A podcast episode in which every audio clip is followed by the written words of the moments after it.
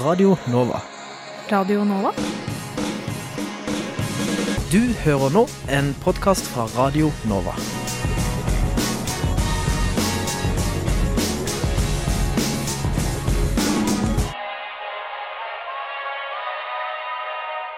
Velkommen til denne ukens Studentnyhetene. Mitt navn er Håkon Christoffersen, og med meg i studio har jeg Oliver Lode. Og denne sendingen skal vi snakke om disse sakene. Nesten halvparten av mannlige sykepleiere dropper ut. Teologistudenter er på alkoholtoppen. Fastlege nekter å sette spiral. Bruk av puggedop øker blant utvekslingsstudenter. Og som vanlig får vi besøk av studentpolitikere. Men først skal vi høre ukas nyhetsoppdatering.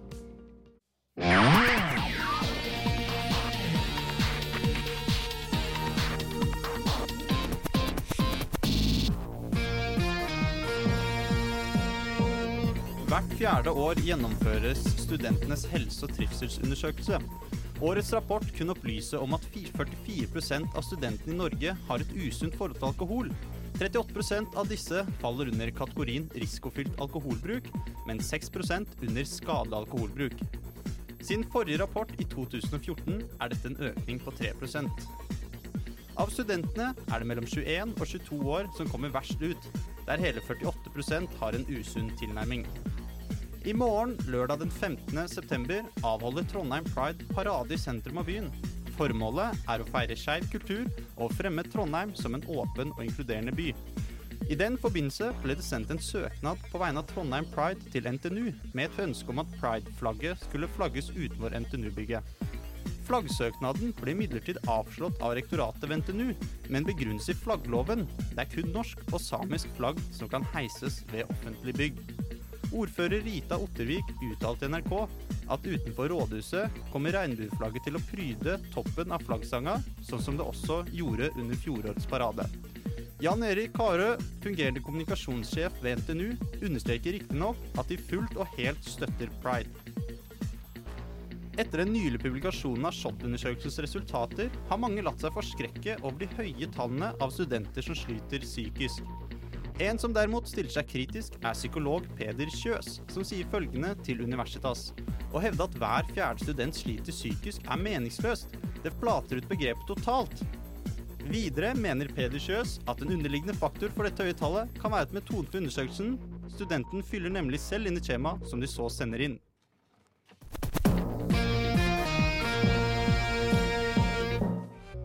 Der hørte du Blomst med Oss som bare drar.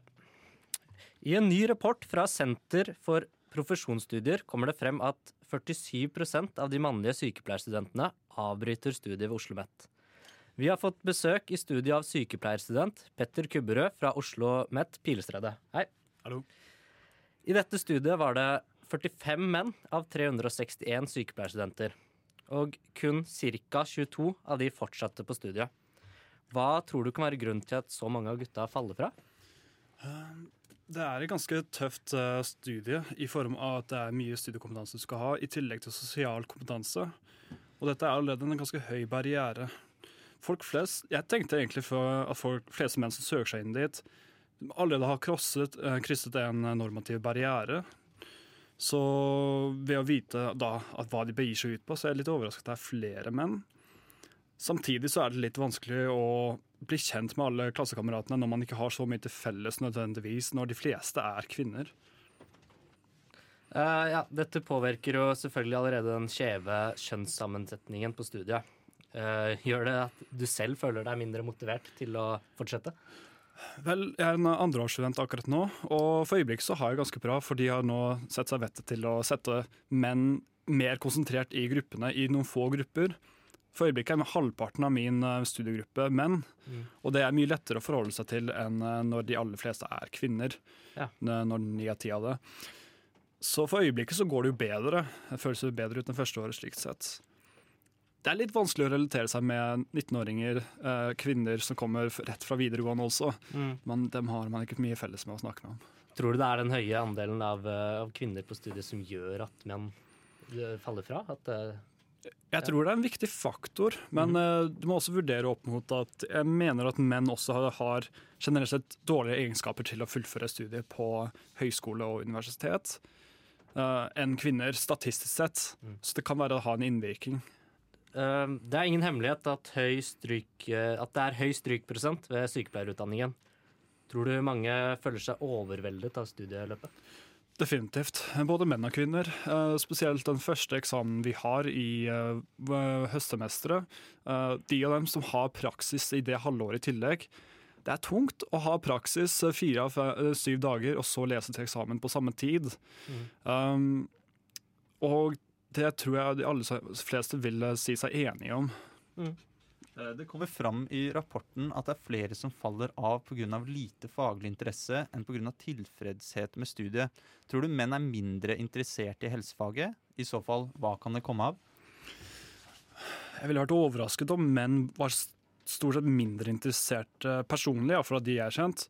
Fordi de fleste har som sagt krosset en viss barriere ved å tenke seg på å søke til sykepleier i første sted. Det er kvinnedominert yrke. Og ja Jeg Mm. tror ikke det ville hatt en innvirkning slik sett. Man vil jo først søke noe så uh, såpass sjeldent at man ville kanskje ha tenkt over det Mm. først.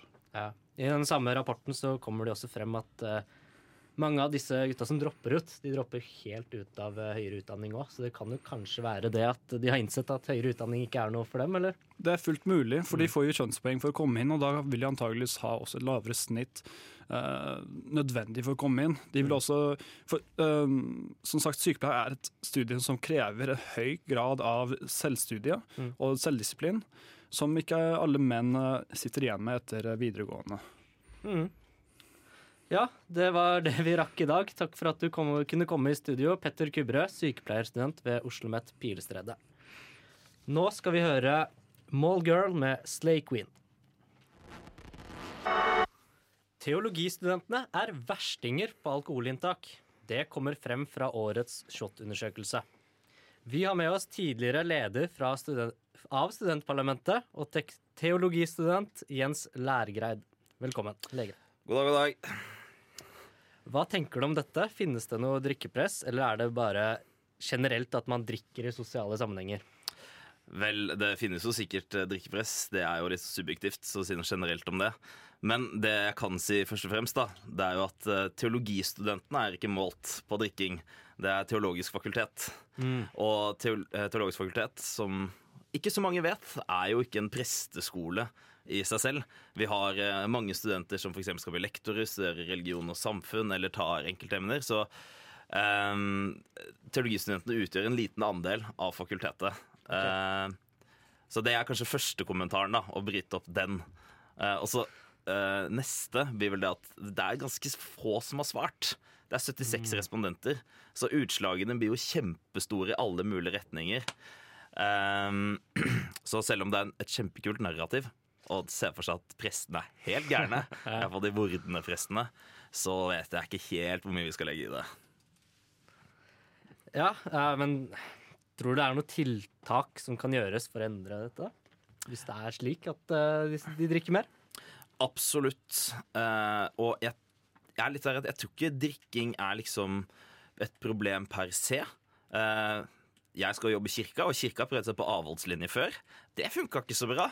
Eh, så jeg tror dette med måtehold, da, eller det vi kaller alkoholfokusfrihet, nemlig at vi har arrangementer eh, hvor det kan drikkes, men det er helt greit å komme uten å drikke, at det er veien å gå. da. Prøve å finne den såkalte gylne middelvei.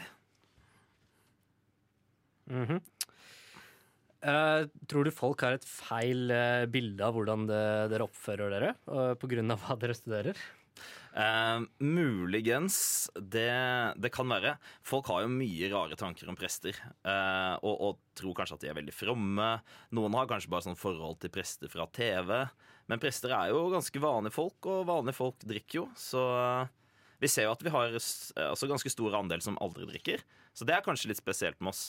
Men jeg tror eh, den vanlige teologistudent er ganske vanlig student. Eh, Dere skåret jo også ganske høyt på mottakelsen av nye studenter. Eh, Har, har dette noe med alkohol å gjøre, eller er det mer sosiale samlinger hvor folk kan bli ordentlig kjent? Da kommer vi jo tilbake til dette med at denne undersøkelsen har veldig få respondenter. Så selv om vi gjerne skulle sagt sånn at ja, alle de dårlige resultatene de tror ikke noe på, men de bra resultatene de er jo kjempekule, så de stoler vi på. Eh, så jeg skulle gjerne sagt at ja, vi har beviselig beste fadderuka, liksom. Men nok en gang så eh, blir det vanskelig å si noe ut fra denne statistikken. Men det jeg kan si, da, er at jeg føler at fadderuka er kjempebra. Og nå har jeg vært med på fem av dem, så jeg har på en måte en mastergrad i fadderuke. Eh, Og føler jeg kan uttale meg med ganske stor sikkerhet der, da. Men eh, så de tallene tidligere nevnt, da, er det sånn at eh, det kan komme studenter fra andre fakulteter da, og tar fag ved teologiske fakultet, som igjen kan påvirke resultatet? Um, der er det litt vanskelig, for du har ett sånn hjemfakultet, og, og hvor du har hjemfakultet, det er litt vanskelig å si. Men teologisk fakultet har ikke bare teologistudier. Vi har også andre studieretninger. Eh, så det er folk som ikke skal bli prester på teologisk fakultet. Eh, så det å si at teologistudenter i seg selv er, eh, er de som er, utgjør det store flertallet her, det blir veldig vanskelig å si. Men når det kommer til tallene, så er det rett og slett fordi utvalget er så lite. Det er 76 respondenter. Så hvert eneste svar utgjør mer enn en prosent. Så jeg er litt mer opptatt av å se på de tallene vi har fått fra Universitetet i Oslo, eller Student-Norge som en helhet. For de gir et ganske klart bilde. Altså, eh, på nasjonalt basis så har vi 50 000 respondenter. Da begynner du å få deg et ganske bra bilde av hvordan studentene har det. Du ettersøker kanskje heller en mer grundig undersøkelse? Ja, Folk kan komme og, se, da. Bli med oss på quiz eller noe sånt. Så kan de se hvordan det er på Teologisk fakultet. Det er veldig koselig. Og det er ikke sånn at folk står og spyr i buskene hver dag. Ja, takk for at du kunne være med oss, teologistudent Jens Lægereid. takk, takk. Ha en fin helg. SHoT-undersøkelsen er ferdig, og et av resultatene er at puggedop er utbrent, utbredt blant norske utvekslingsstudenter.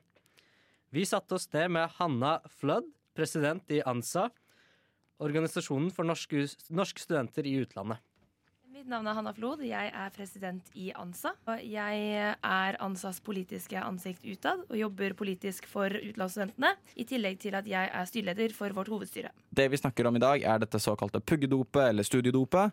Hva er puggedop? Det er prestasjonsfremmende midler som skal hjelpe med fokus og konsentrasjon generelt. Da denne SHoT-undersøkelsen kom, så ble jeg faktisk ganske sjokkert selv. Jeg ble veldig overrasket, i hvert fall. Eh, For jeg hadde jo hørt om at folk tok puggedop, men det var liksom på lik linje som at jeg hadde hørt om folk i Norge som tok det. Så jeg var ikke klar over at forskjellen mellom norske studenter i Norge og i utlandet var så stor, da. Jeg tror tilgjengelighet kan være en faktor som spiller inn her. Fordi enkelte steder i det store utland så er jo sånne medikamenter mye mer tilgjengelige enn det er her i Norge. Er det enkelte aldersgrupper som du vet, som bruker mer av det? Er det noen som er lettere påvirkelige enn andre? Vi studenter er jo unge, og det er jo ofte sånn at hvis man er ung, så er man kanskje litt mer lett påvirkelig enn det man er hvis man er voksne. Der det er klart mest utbredt Storbritannia. Jeg var jo i Storbritannia selv, og der hørte jeg ikke noe om noen norske studenter som tok studiedop, men jeg fikk jo vite at eh, disse medikamentene var veldig lett tilgjengelig, og at det var folk som solgte dette her på campus. Tror du det at flere og flere bruker sånt her puggedop, i hvert fall i utlandet, og tror du det kan smitte over hit i Norge? Du, det er jeg litt usikker på, faktisk. Kan si at det kan bli mer normalisert i Norge? Vi ansatte synes i hvert fall det er en veldig en litt skummel utvikling, og at det ikke er eh, en ting som burde bli normalisert. Fordi det er jo en grunn til at disse legemidlene er på resept i første omgang. Og i hvert fall medisiner som hjelper mot eh, ADHD og lignende eh, sykdommer, de har jo en annerledes virkning på de som har ADHD og de som ikke har det. Og det er jo ikke ment for eh, de som ikke har ADHD, eksempel. Um, hvilke steg er det ansatt har framover for å videre kartlegge, undersøke og kanskje senke da, denne trenden vi ser med at norske utvekslingsstudenter bruker puggedop? Det er klart at Våre medlemmer er jo for det meste myndige og kan bestemme over seg selv. Men det vi prøver å gjøre, det er å rett og slett skape en holdning om at dette ikke er greit. Det er ikke sånn at man skal bruke puggedop for å prestere, og at det finnes veldig mange andre løsninger, som f.eks. å forbedre studieteknikken sin. Hva er deres neste plan i forhold til at resultatene fra SHoT-undersøkelsen har kommet fram? Er det noe dere ønsker å fokusere på? Andelen av folk som har alvorlige psykiske symptomplager, er altfor høy. Så det vi har gjort, er at vi har opprettet vårt eh, eget online psykologtilbud i samarbeid med Lifekeys, hvor vi da har eh, rabatter på psykologitimer online, fordi våre medlemmer er jo overalt i hele verden, så er det en fordel at det er på nettet. Det var eh, vår reporter Magnus Tune i den saken. Eh, nå skal du høre Bevis med 'Venta på'.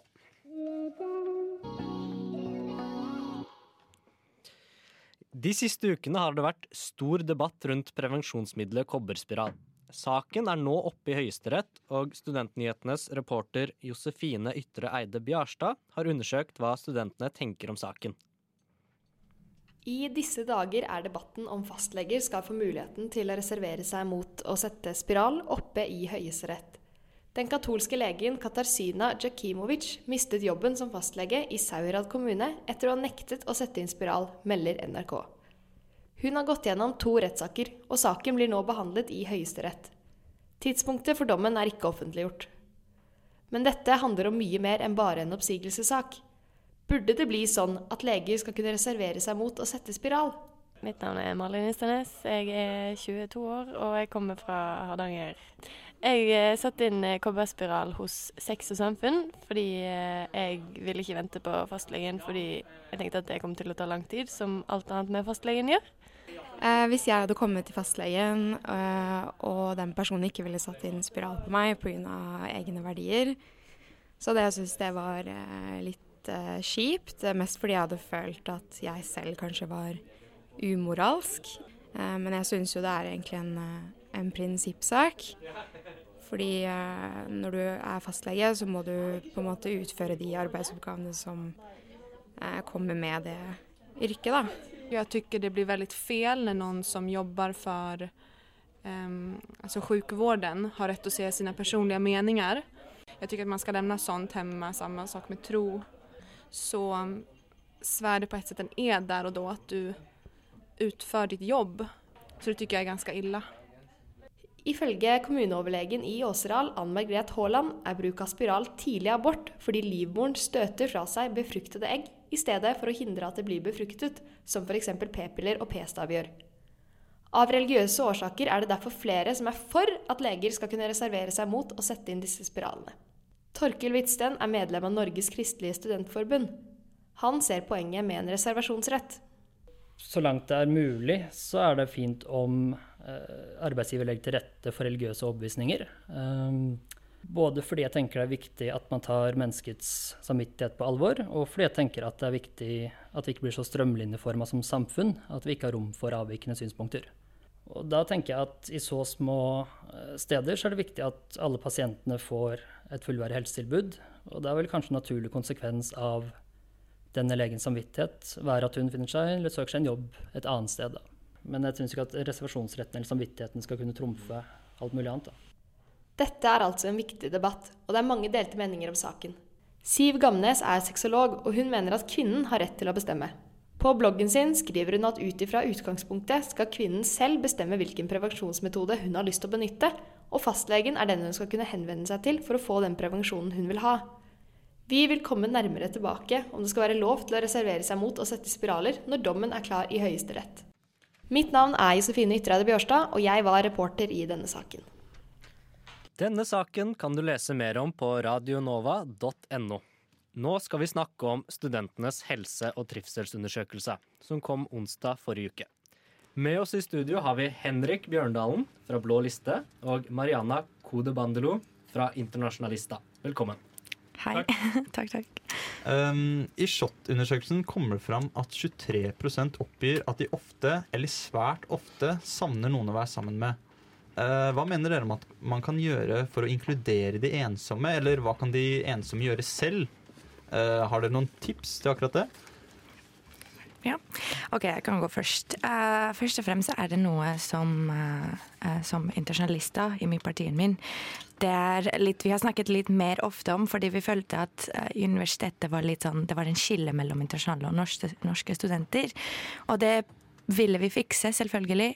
Men vi så etterpå, som dere ser på undersøkelsen nå, at mange trives ikke, selv om de er norske eller internasjonale, på universitetet. Og når man prøver å se litt bak dette her, hvorfor dette skjer, så kan man si at f.eks. rådgivning på universitetet er litt dårlig. Hvis man sliter psykisk og drar på rådgivning på SIO, eh, som mange jeg og mange felles venner har opplevd, så får du svar som ja, men det her er ikke godt nok til å være en psykisk lidelse, vet du. Du bare sliter litt, du er bare litt trøtt. Mm. men det her er ikke nok. Jeg, jeg sliter med studiene mine. Jeg trenger din hjelp. Så det er litt sånn SIO må skjerpe seg først og fremst for å hjelpe studentene som sliter så mye. Det har vi opplevd faktisk personlig og fra andre, så det er ikke bare liksom noe vi kommer på nå.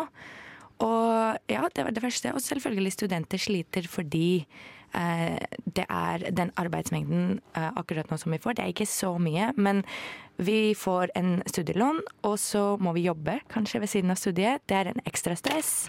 Noen får ikke hjelp fra foreldre, og så Det er mange ting som kan eh, faktisk innflytte, gjøre en innflytelse til dette her, til å faktisk slite psykisk. Men eh, Henrik Bjørndalen, hva, hva tenker du om hva vi kan gjøre for disse ensomme studentene? Ja, så jeg tror det er to ting man kan gjøre. Det ene er at man må At eh, de studentorganisasjonene, eller foreningene, de må være på banen og rekruttere mennesker, ikke bare i fadderuka, men gjennom hele, eh, hele semesteret.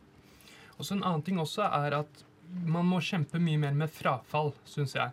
Mm. Fordi jeg selv har opplevd det at jeg kommer på andre året, og så har alle de jeg har blitt kjent med, de har enten dratt videre og begynt å studere i Bergen, eller droppa ut. Og da sitter du igjen og er alene, rett og Mm. slett. Mm. Nå gikk det jo bra med meg, for jeg ble medlem da en av kjellerpubene på Blindern og har et veldig fint sosialt liv nå. Ja, men er det ikke nettopp det, da, at disse studentene har egentlig hovedansvar selv for å ta kontakt og, og, ja, og bli kjent med folk? Ja, men altså, det er jo en uh, Hva skal jeg si, Fra min del så er, er jo det et lite steg å ta, faktisk ta kontakt med noen. Og jeg tror Mm. det også er litt sånn typisk norsk, å være litt sånn vegrende. Og derfor mener jeg at det er studentforeningene som også må være flinkere på å rekruttere, ikke bare halvveis gjennom uh, Halvveis gjennom uh, Eller ikke bare i fadderukene, men jobbe aktivt da, med å få nye studenter. Mm. Eh, mange svarer at de ikke deltar på studentarrangementer pga. stort fokus på alkohol. Hva tenker dere om dette? Ja, jeg kan kan eh, først, ja. starte. Ja, takk. Um, vel, eh, jeg kommer også fra en sånn Jeg er halv iraner, halv gress, så jeg har hatt en innflytelse av å liksom Ja, vi skal drikke, og vi skal ikke drikke. Du sitter i midten av en stue hvor halvparten drikker og halvparten ikke drikker, så du blir litt sånn OK, hva gjør du nå? Så jeg føler at det her er liksom som studentlivet er, egentlig, så jeg, jeg gir det en eksempel til mange studenter som sliter med det. Du trenger ikke å drikke. Det er gøy, selvfølgelig. Du kan være med. Men alkohol er ikke en cure til ensomhet. Altså at det, det skal ikke gjøre deg å føle bedre. Gjør det for å ha det gøy. Det er det jeg prøver å si. ikke sant? Gjør det for å liksom ja, drikke med de andre vennene dine og sånne ting, men ikke gjør det for å Men, føle litt eh, bedre. Mener du at eh, alkoholpresset er litt overdrevet? Ja, det er det litt. Jeg har opplevd det selv. Det er en grunn faktisk at mange ikke blir til fadderuka. Selv og mange andre. Vi føler litt sånn det er ikke en alkoholpress, men egentlig når du sier liksom Den dagen skal vi ha liksom vors for et arrangement. I stedet for å liksom si den dagen skal vi ha, faktisk ha noe gøy i Aha, de siste ja. to dagene i fadderuka. Men føler du at det er typisk nordmenn da, som har et problem med å gå ut og more seg hvis de ikke har tilgang til alkohol? Eller Nei, egentlig ikke sant. Det, kan, det, kan, Det er det samme det, problemet det er med- samme problem med Ok. alle, ikke sant. Jeg det, må dessverre avbryte der. Ja. Vi skal snakke mer sammen. Eh, Nå skal du høre Ivy Soul med Blackwoods. Vi har fortsatt med oss studentpolitikerne Henrik Bjørndalen og Marianna Kodebandelo. Eh, Og vi har fått en gjest til i studio. Velkommen seksjonsleder for Rustelefo Rustelefonen, Sturla Johansen. Takk for det. Som vi har hørt eh, tidligere i sendingen, så har bruken av puggedop økt blant norske studenter i utlandet. Eh, Sturla Johansen, hva tenker du om at norske studenter tar i bruk prestasjonsfremmede midler? Ja, eh, det er mye jeg kan tenke rundt det. Men nå skal jeg først si at tallene er forsvinnende små. da. Så det er jo, og Selv om økningen er der, så er det også en veldig liten økning. Og man er også usikker på hvordan man kan sammenligne tallene fra 2014 og 2018. Så det er mye usikkerhet i tallene her. Eh, jeg tenker jo at eh, det at noen føler seg presset til å bruke den type midler, er jo kanskje et tegn på prestasjonssamfunnet vi lever i, og spesielt for deres studenter. Eh, Men jeg er for så vidt glad for at tallene ikke er høyere enn de er. Og det er jo ikke sånn at du heller bare kan Det er ikke noe vidundermiddel her. Du kan ikke bare ta disse stoffene og bli smartere eller, eller måtte få bedre karakterer automatisk. Du må jo fremdeles legges en innsats i det du skal gjøre. Og, og dette er vel kanskje det som stoffene egner seg for mest for folk som driver jobber etter skippertaksmetoden. Og det er uansett en veldig dårlig studieteknikk, da. Mm. Dere har jo gjort eh, noen undersøkelser selv på puggedop. Eh, hva slags eh, puggedop Hva er egentlig det? Hva er det snakk om? Ja, eh, vi, vi sant at vi gjennomførte en egen undersøkelse i, i sommeren 2017, eller juni 2017. Eh, og den harmonerer for så vidt ganske bra med de tallene som har kommet fra SHoT-undersøkelsen nå i 2018. Uh, altså, når, det finnes jo fresh, forskjellige typer uh, stoffer her, da, men i hovedsak så dreier det seg om sentralstimulerende stoffer Mhm. som i små mengder vil kunne føre til at du f.eks. kan jobbe mer intenst over en kortere periode, eller at du kanskje føler deg mer konsentrert, mer våken. Eh, Det finnes jo også sånne ting som betablokkere som eh, vil roe deg mer ned, eller i hvert fall du fjerner mer de fysiologiske reaksjonene på nervøsitet, som kanskje noen vil føle seg fristet til å ta i forbindelse med en muntlig eksamen f.eks. Men det er nok disse sentralstimulerende stoffene som er mest utbredt. Og blant de så er jo, er jo langt på vei eh, koffein og koffeintabletter da, det mest eh, utbredte. Henrik, du har selv studert i flere år. Forstår du hvorfor norske studenter kan ty til slike midler? Ja, på en måte kan jeg jo gjøre det, fordi det er jo mye du skal gjennom på veldig kort tid. Men uh, samtidig så er det jo litt sånn som blir sagt her, at det er litt sånn prestasjonssamfunn, da. Og at man gjerne skal få gode karakterer.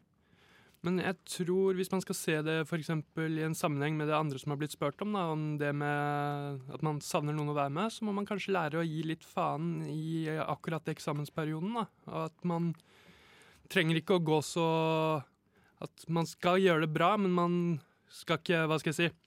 Man må gi litt faen òg. Rett og slett senke skuldrene litt og Ja, rett og slett. litt mer? Ja. Hva er egentlig faren ved å bruke slike midler? Altså, dette er jo legemidler, eh, og det finnes jo ikke legemidler uten bivirkninger. Eh, Faren vil selvfølgelig henge sammen med hvor ofte du bruker, hvor mye du bruker, men selvfølgelig også knyttet til, til eh, personlig skal vi si, ja, ømfintlighet, eller, eller hvor lett du kan få disse bivirkningene. Uh, mye av det er knyttet til angst- og depresjonsproblematikk, men det er også en rekke andre bivirkninger, og det er for så vidt også varierende fra, fra medikament til medikament. Da. Så det er litt å ta her. Så, men, men igjen, da, selvfølgelig, det er knyttet til sårbarhet, og så er det knyttet til hvor mye og hvor ofte. I et intervju med Universitas i august så mener dere, dere i Rustelefonen at antallet henvendelser om prestasjonsfremmede midler har økt, og at hele to av ti unge mellom 16 og 30 år eh, ville vært villige til å ta eksamensdop hvis de var garantert bedre resultater. Hva tror du er grunnen til økningen? Ja, det er eh, eh, altså Det kanskje mest oppsiktsvekkende her er at det er så mange som ca. 20 da, som, som er til Hvis de visste at dette ville øke karakteren, er de villige til å ta, ta et eller annet som egentlig kan, på mange måter kan ses på som juks, eh, for, å, for å øke prestasjonene.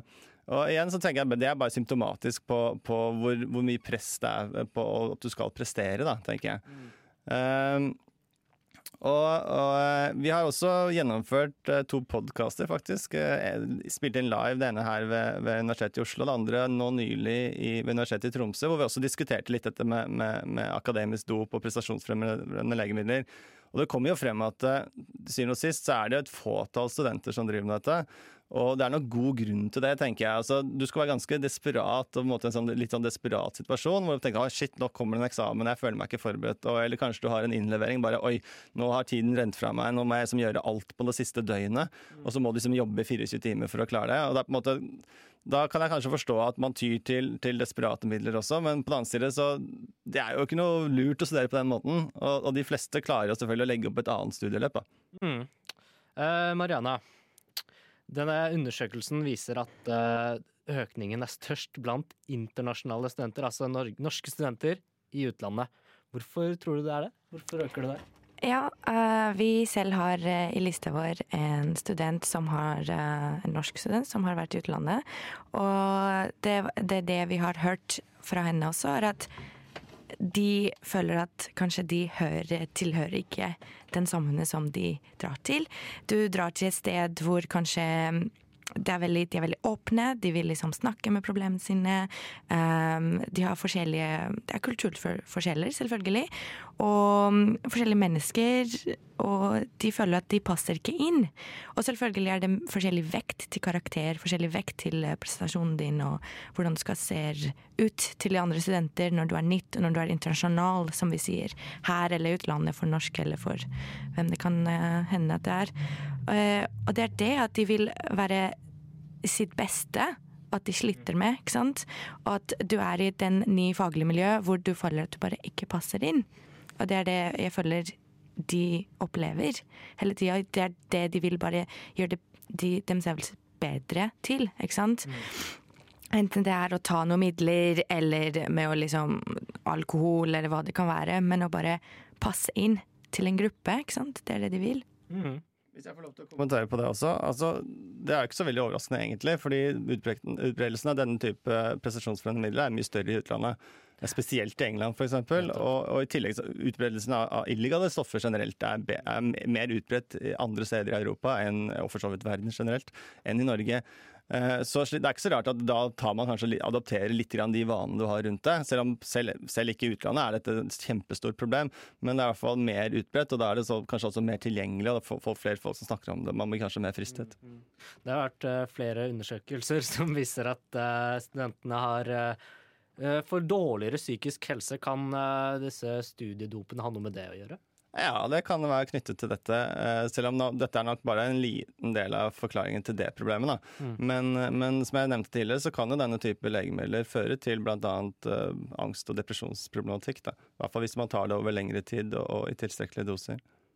Yes, det var det vi hadde tid til. Takk for at dere kunne komme. Henrik Bjørndalen fra Blå liste, Mariana Kodebandelu fra Internasjonalista og Sturla Johansen, seksjonsleder i Rustelefonen. Takk for det. Bare hyggelig.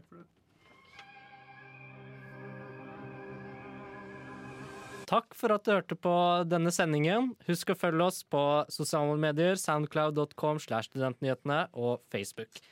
Mitt navn er Håkon Christoffersen, og med meg i studio hadde jeg Oliver Lode. Og tekniker Magnus Tune. Nå, kommer, eh, nå skal vi høre 6112 med 6112 for alltid.